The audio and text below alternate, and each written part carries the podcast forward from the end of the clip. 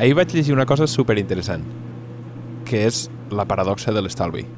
Saps com fa la paradoxa de l'estalvi? La paradoxa de l'estalvi diu que si tota la societat estalvia, llavors la demanda col·lectiva baixarà i llavors l'economia patirà fent fora la gent i per tant l'estalvi social de masses serà menor a que si la gent no estalvia.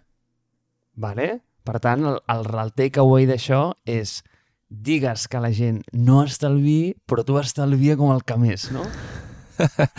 bueno, o gasta tu tot amb si ets una societat, sempre ficant editorial aquí des del minut zero.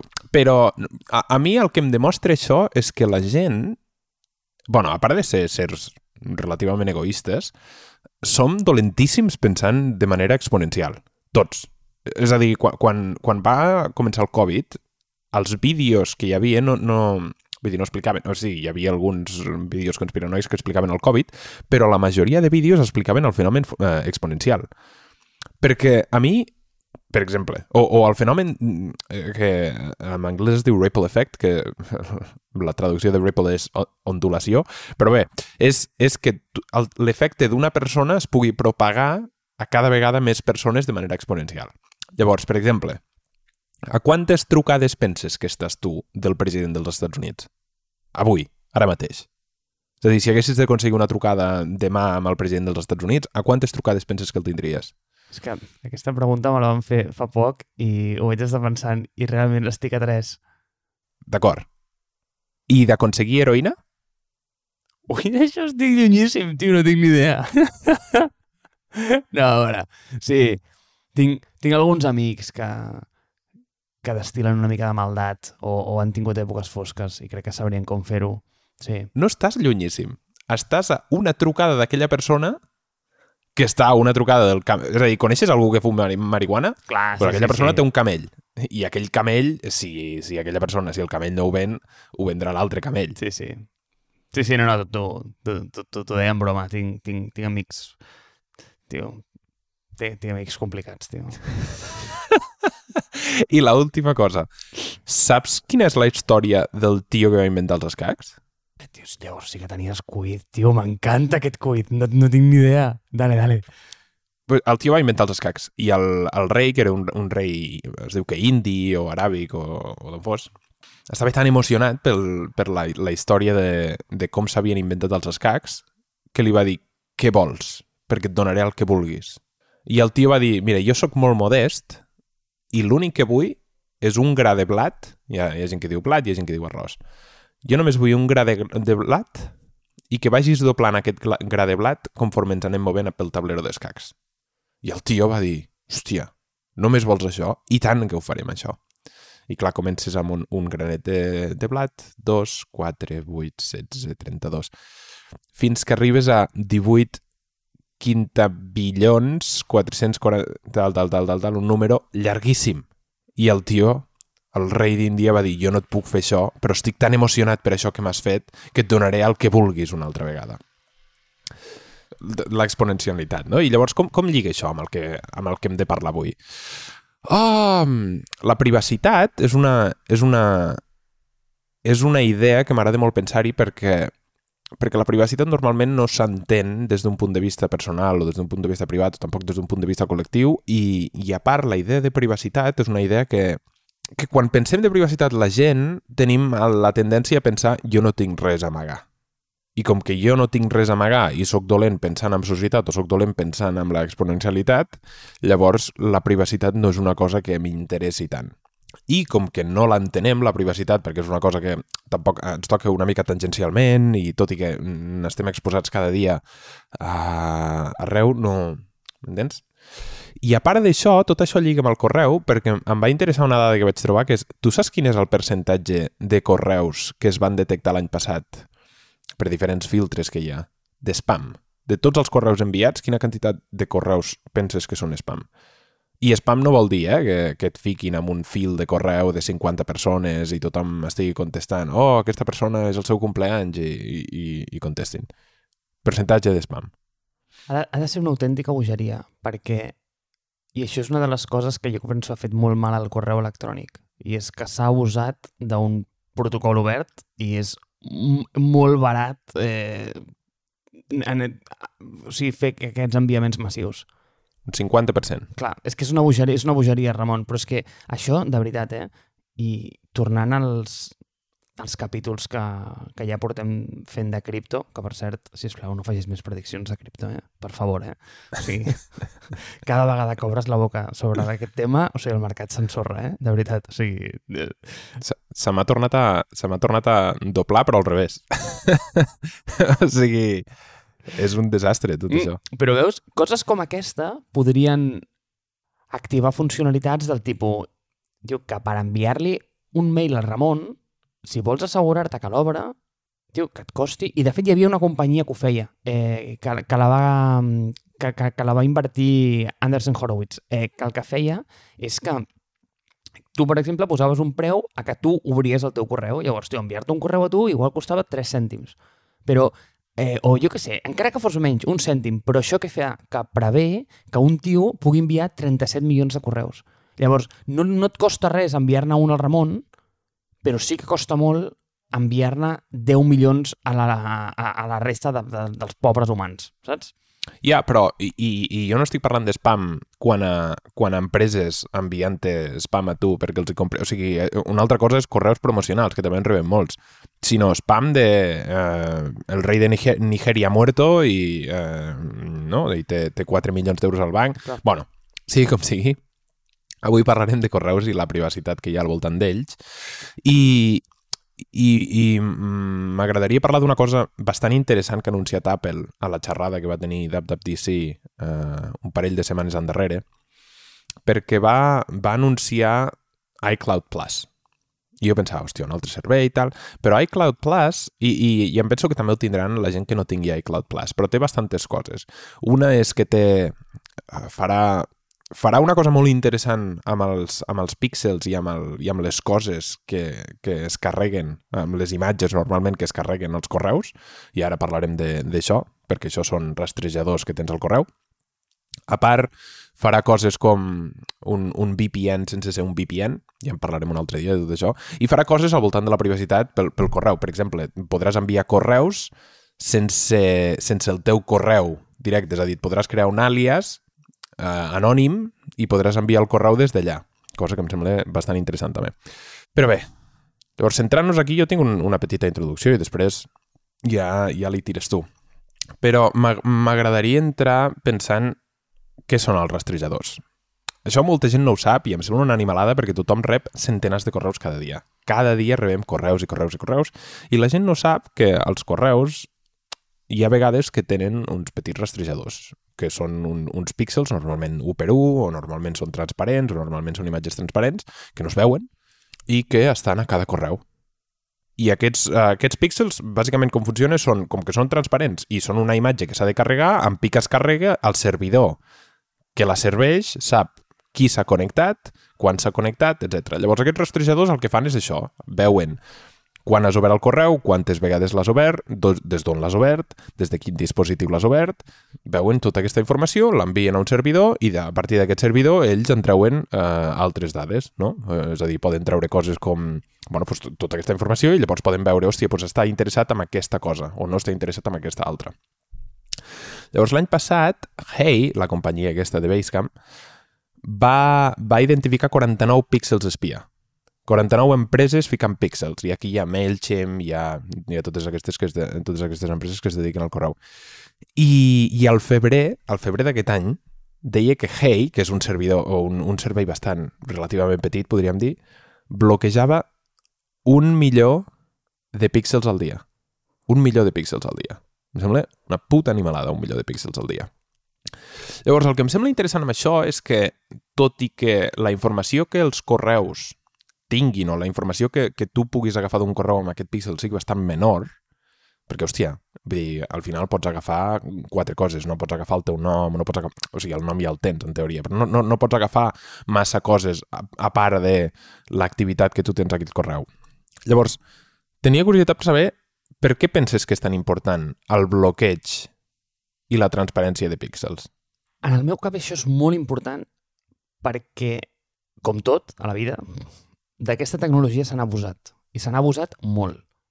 perquè el que en un principi dius, hòstia, això està bé, perquè, home, dius, pots veure si has obert el correu, llavors, a veure, més enllà d'això, que t'agradarà més o t'agradarà menys si has obert el correu, que Diu, e, és bo per serveis com newsletters, per exemple, de, de, de persones a les que segueixes, a les que, bueno, ens hi pot interessar l'open rate que tenen de, dels correus que envien, per, per veure si un tema és interessant, si no. Diu, com tot, a la que han obert el xorro, per allà no només hi han passat el, si ho obres o no, però que, bueno, o sigui, et surt, et surt una mà de la pantalla saps? i t'agafa hasta, hasta, hasta els calçoters que portes posats. I, i, i clar, això es mescla amb tota la data que, mm, no sé si recordes el capítol de l'amic Jordi, on parlàvem dels data brokers i tot plegat, aquesta data s'amalgama amb tot aquest perfil digital que tenim i Exacte. això al final ja és, pues, tio, més... Mm, és que no sé com es, di com es diu en català, però eh, carrer a l'assador, saps? Eh, I per cert, tio, deixa'm donar com el fun fact del dia, i és que per aquest capítol el meu research per aquest capítol ha sigut molt diferent, val? perquè ha sigut com històric, perquè he, he, he, anat, he, he anat a la història, perquè m'interessa molt entendre com la privacitat eh, s'ha mogut al llarg de la història, i si vols et puc explicar moltes coses sobre això. Però, per altra banda, ha estat, anem a dir, molt d'estar per casa. Vale? I eh, vaig fer com un petit experiment social amb la meva família, que tenia per aquí el, el dia de Sant Joan, i vaig dir, a veure, perquè clar, és que és difícil a veure a vegades eh, explicar el per què és important la privacitat, no? O, o per què ens hauria d'importar, o això, aquest argument de no, és que jo no tinc res que amagar, és difícil a vegades combatre-ho, no? I, I llavors vaig començar com, com a apretar per aquí, no? És a dir, tio, o sigui, el, el tema de la privacitat, no? Vull dir, per vosaltres és important això, que, que, que us segueixin, que us traquegin. I, tio, Ramon, la cosa no va sortir bé, eh? No, no, no, no, no, no va sortir com jo esperava, eh? Saps què em van treure? Em van treure l'amic Jordi. I l'amic Jordi la conversa se'n va anar. Sí, sí, sí, perquè jo l'altre dia estava mirant no, no sé què, no, o li, li, li vaig comentar a, a, a no sé qui que em volia comprar no sé quantos i el dia següent ja tenia anuncis a l'Instagram d'això. És a dir, és que és claríssim que ens escolten, eh? Ens escolten. I jo, ai, Déu, no, no anem bé per aquí, com et convenceré que no? Igual t'hauré de, re de recomanar un capítol de Safreig perquè escoltis. És curiós perquè en, ens han intentat fer creure que com que escoltar es considera pitjor, perquè ens pensem aquí que, que estem dient les 24 hores del dia coses interessants, es minimitza tot l'altre que fan, que em sembla molt més bèstia. Clar. O sigui, Facebook no t'escolta, un, perquè no necessita escoltar-te, dos, perquè seria caríssim escoltar-te, tres, perquè seria un puto escàndol, i quatre, perquè no ho necessita. Perquè és que ja té les teves dades d'una altra manera. I pot fer un perfil psicològic molt millor que el teu, que filtrar les 24 hores del dia de la merda que dius cada dia, és com gravar-te, no necessita gravar-te la cara. Llavors, deixa'm dir-te una cosa. Jo penso, i, i m'agrada molt pensar amb, amb la frase que va dir l'Steve Jobs, em penso que la, la va dir en una D-Conference el 2010 o el 2007, que és la privacitat és que la gent que està utilitzant el teu servei sàpigui el que està, o, el, o el que li passarà, i sàpigui el que està... Uh, el que, uh, uh, la, la frase és signing up for. És a dir, el que, el que la privacitat és bàsicament que la persona que dona consentiment a utilitzar aquella aplicació sàpigui el que aquella aplicació li donarà. Llavors, jo no tinc cap problema si jo em fico amb una newsletter i em diu uh, aquesta newsletter tindrà un píxel que farà que sapiguem quan has llegit o quan no has llegit, però això serà privat i no ho farem servir per res més. Vols... Uh, confies en nosaltres i jo ficaré sí o no. El problema és quan això, quan, quan mm, MailChimp fica un píxel al newsletter de Zara i Zara ven aquell píxel o ven la informació d'aquell píxel a Facebook. I llavors aquí sí que m'agrada pensar amb el, amb el, amb el segon grau de conseqüències, aquell que, que introduïes l'altre dia, perquè és la conseqüència de que jo obri un píxel no és, o sigui, no és directament interessant a Zara, tot i que em pot treure una informació que és relativament rellevant, tot i que jo no ho sé, sinó que és rellevant per Facebook. i a mi, perdona'm, que el donin per cul a Facebook. Jo estic oferint la teva newsletter. Llavors, la cosa que... O sigui, la, la, la dicotomia aquesta és que m'estàs... O sigui, primer no m'estàs preguntant si, mm, si, si pots extreure aquesta informació. És a dir, imagina't que, que la botiga de Zara tingués una càmera davant de la teva porta i no digués res. L'altra cosa és que t'ho digui. Ei, Marc, ficarem un, una càmera aquí davant de la teva porta perquè eh, hem pensat que així podrem saber quan la gent surt de casa o no surt de casa i llavors et podrem recomanar unes ulleres de sol o unes altres si surts al matí o al dia. D'acord. O sigui, això seria una. Però que després ho venguis a l'Ajuntament de Barcelona... Mm... Clar, però Ramon, o sigui, és que el que em va sorprendre del meu eh, research de pati de col·legi que vaig fer allà eh, sopant eh, és que bueno, a part de que em van treure l'amic Jordi, que tela, que vaig pensar, de, déu nhi eh, eh, va ser... És que estan sorpresos perquè això estigui passant i ho venen com, oh, mira el que ens fan, i, i se les donen de... Clar, llavors ja, o sigui, comença la, la conversa, o sigui, ja comença la conversa mm, a veure qui la diu més grossa, eh, de que, bueno, de que se les donen, de que saben perfectament com funciona mm, tota aquesta tecnologia, ¿vale? i que, bueno, mm, t'expliquen, sí, perquè també ens vigilen por ahí, i hi ha càmeres per tot arreu, bueno, és igual, aquesta, aquesta part no és interessant, però la part que és interessant és com la metapart, és a dir, què t'està preocupant d'això? I la resposta és res. És a dir, et sorprens de que ho puguin fer i dius, oh, mira, és que m'estan fent això, hòstia, com ha canviat el món, tu. Però no t'importa. I dius, però com no pot importar-te? O sigui, és a dir, com no veus que aquí hi ha una guerra asimètrica on realment tens tio, tota la intel·ligència artificial del món apuntant als teus dits i, i, i al teu cap perquè facis el teu següent, la teva següent acció. És a dir, com no pot importar-te això? I, i, I crec que costa molt transmetre aquest, eh, aquest punt. I, i, i, és a dir, és per això que, que m'interessa tant aquest tema. Perquè si tu mires la privacitat, i per això et deia el, el, el research històric, perquè me'n vaig als llibres d'història, vale? vaig dir, ora, senyors, o sigui, això realment ens ho estem inventant o, o, o, o és una cosa que, que pertany a l'essència humana, és a dir, tu, o sigui, tenim dret a la privacitat. I realment la privacitat com a tal no és algo que vingui codificada en, en, el, en el genoma, vale? o sigui, no ho portem nosaltres a dintre, eh, o, jo que sé, com el fet de que som gregaris, és a dir, Tio, els nòrdics, eh, collons, mm, deuen ser infeliços perquè tots viuen sols, hòstia. Llavors, eh, sí, tenen molta privacitat, però com que viuen tots sols en una habitació, pues, joder, pues es suïciden tots perquè sobre fot un temps de merda, vale? Eh, però, clar, eh, però què és el que passa? Mm, això sí que està codificat en, en, el, en, en, en nosaltres. Eh, ho portem dins, tio, o sigui, som gregaris, val? Eh, però la privacitat, not so much. Llavors, d'on surt la privacitat? És a dir, de per què collons ens hem inventat això? Pues això ens ho hem inventat perquè en el moment en què vam començar a tenir institucions que sobrepassaven el nivell de tribu, el que passava és que aquestes institucions exercien un poder asimètric sobre l'ésser humà.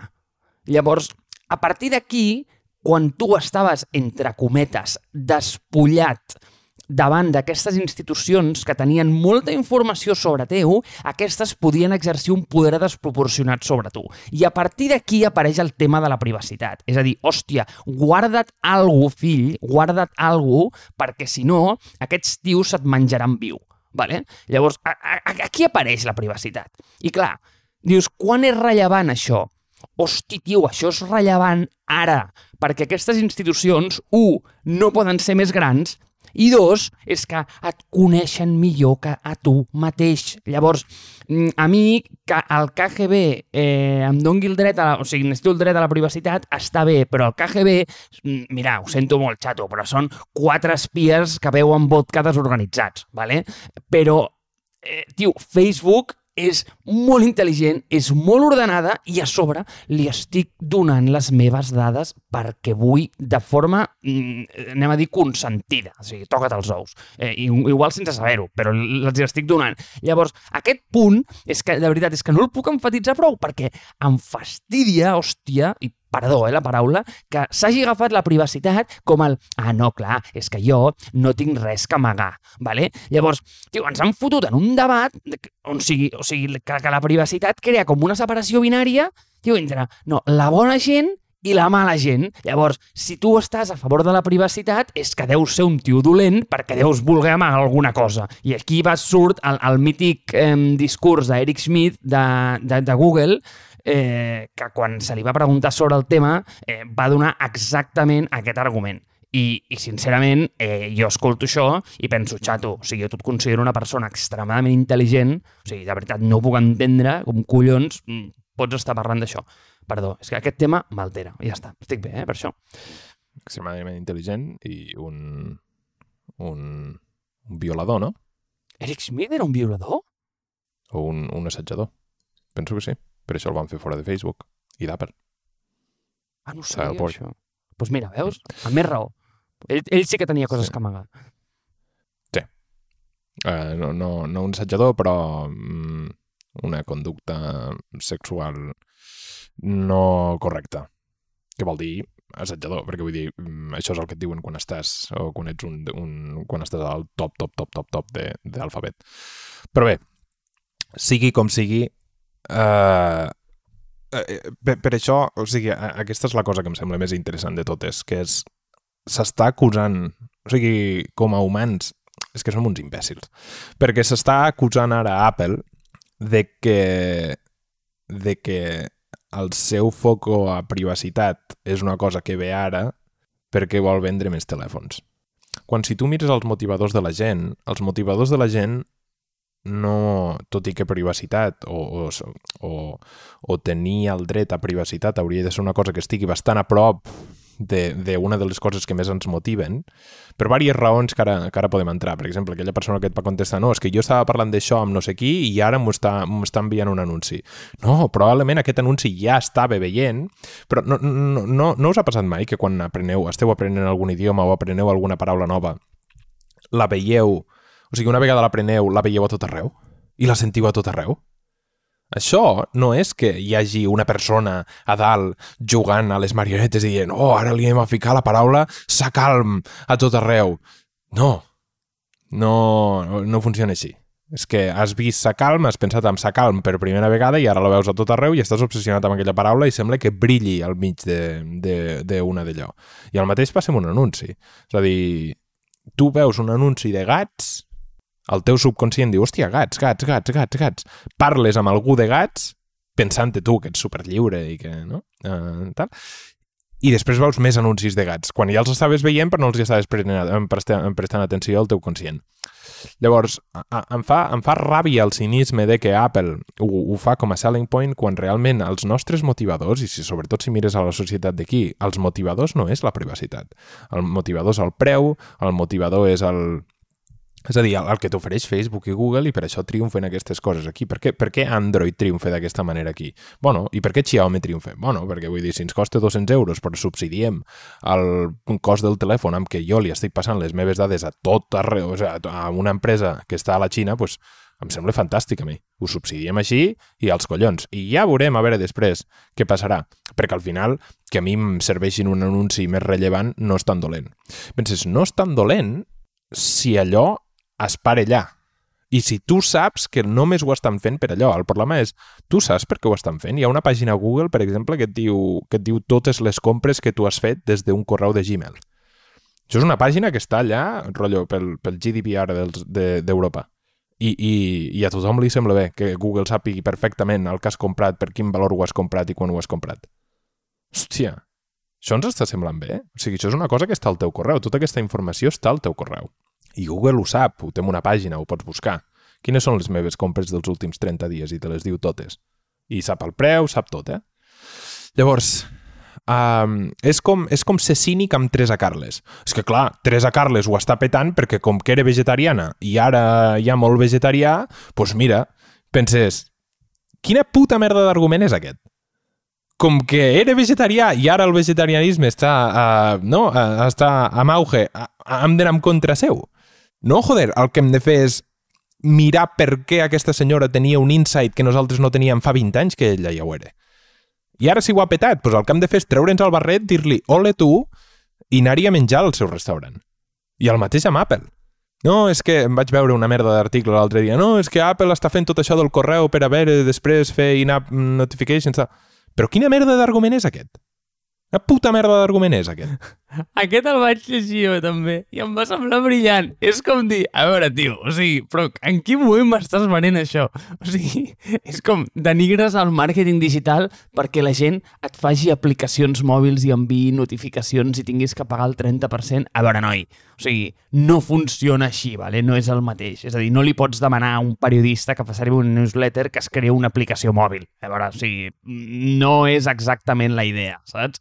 Però, eh, i, i, i hòstia, Ramon, perdona que t'he tallat, però és que l'exemple de Teresa Carles i el d'Apple és que són, són molt bons, perquè a més és que no entenc per què aquest tema la gent no n'és sensible. I quan dic la gent és en, en general, és a dir, no som sensibles amb aquest tema, zero, ens és absolutament igual.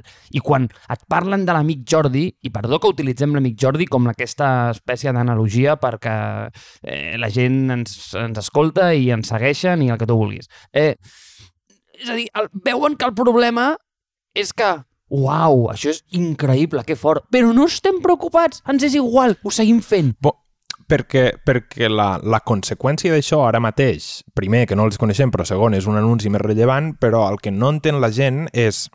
bueno, i, i l'altre és que no hi ha alternativa tampoc, però, i, i sobretot canviar de xarxes socials o canviar de... És a dir, eh, buscadors. Google és el millor buscador. De, de fet, Brave ha tret un, un buscador ara, que el linkarem a sota, però Google és el millor buscador. I jo només que em fiquessin una cosa a DuckDuckGo o a, o a Brave, foto el camp, que és el, els resultats rics. És a dir, quan tu busques Futbol Club Barcelona, que ens surti la taula de la Lliga. O quan tu busques eh, Euro 2021, que et surtin tots els partits. O quan tu busques, és igual, qualsevol cosa, eh, Red Bull Rampage, que et surtin el d'allò. Però, sigui com sigui, el que, no, el, el que em penso que no entenem i el que em penso que se'ns escape és que qualsevol cosa que passi... És a dir, si aquestes persones poden predir quan estaràs embarassat, si aquestes persones poden agregar una quantitat de dades enormes per bàsicament conèixer millor que una persona que viu amb tu 24 hores al dia, i això ho podem fer mm, relativament ràpid, el que no entenem és què pot passar, és a dir, què pot passar a partir d'aquí. Per exemple, si tu et fiques a pensar en governs, tots el, totes les dades de totes les empreses de la Xina són públiques. Què vol dir? No que jo les pugui anar a veure, sinó que els governs són seves. És a dir, són del govern. És a dir, si una, si una empresa està ficada a, a Xina, fiquem TikTok o el competidor de TikTok a la Xina, que també és de la mateixa persona, de, de, de no sé com es diu l'empresa, però és igual. ByteDance. Bueno, ByteDance, no? Aquelles dades són totes de la Xina. Llavors, la Xina és eh, directament una dictadura, vull dir, no, no, eh, no, no, vull dir, ja, ja ho sabem. Però imagina't que això fos a un govern democràtic o pseudodemocràtic.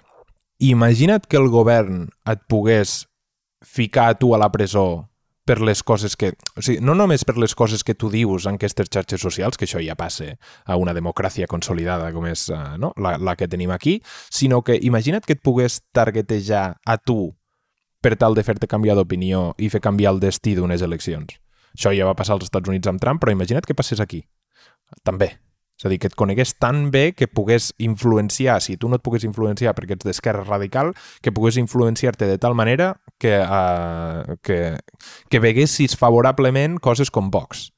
Vox és una idea franquista o feixista, bueno, que és el mateix.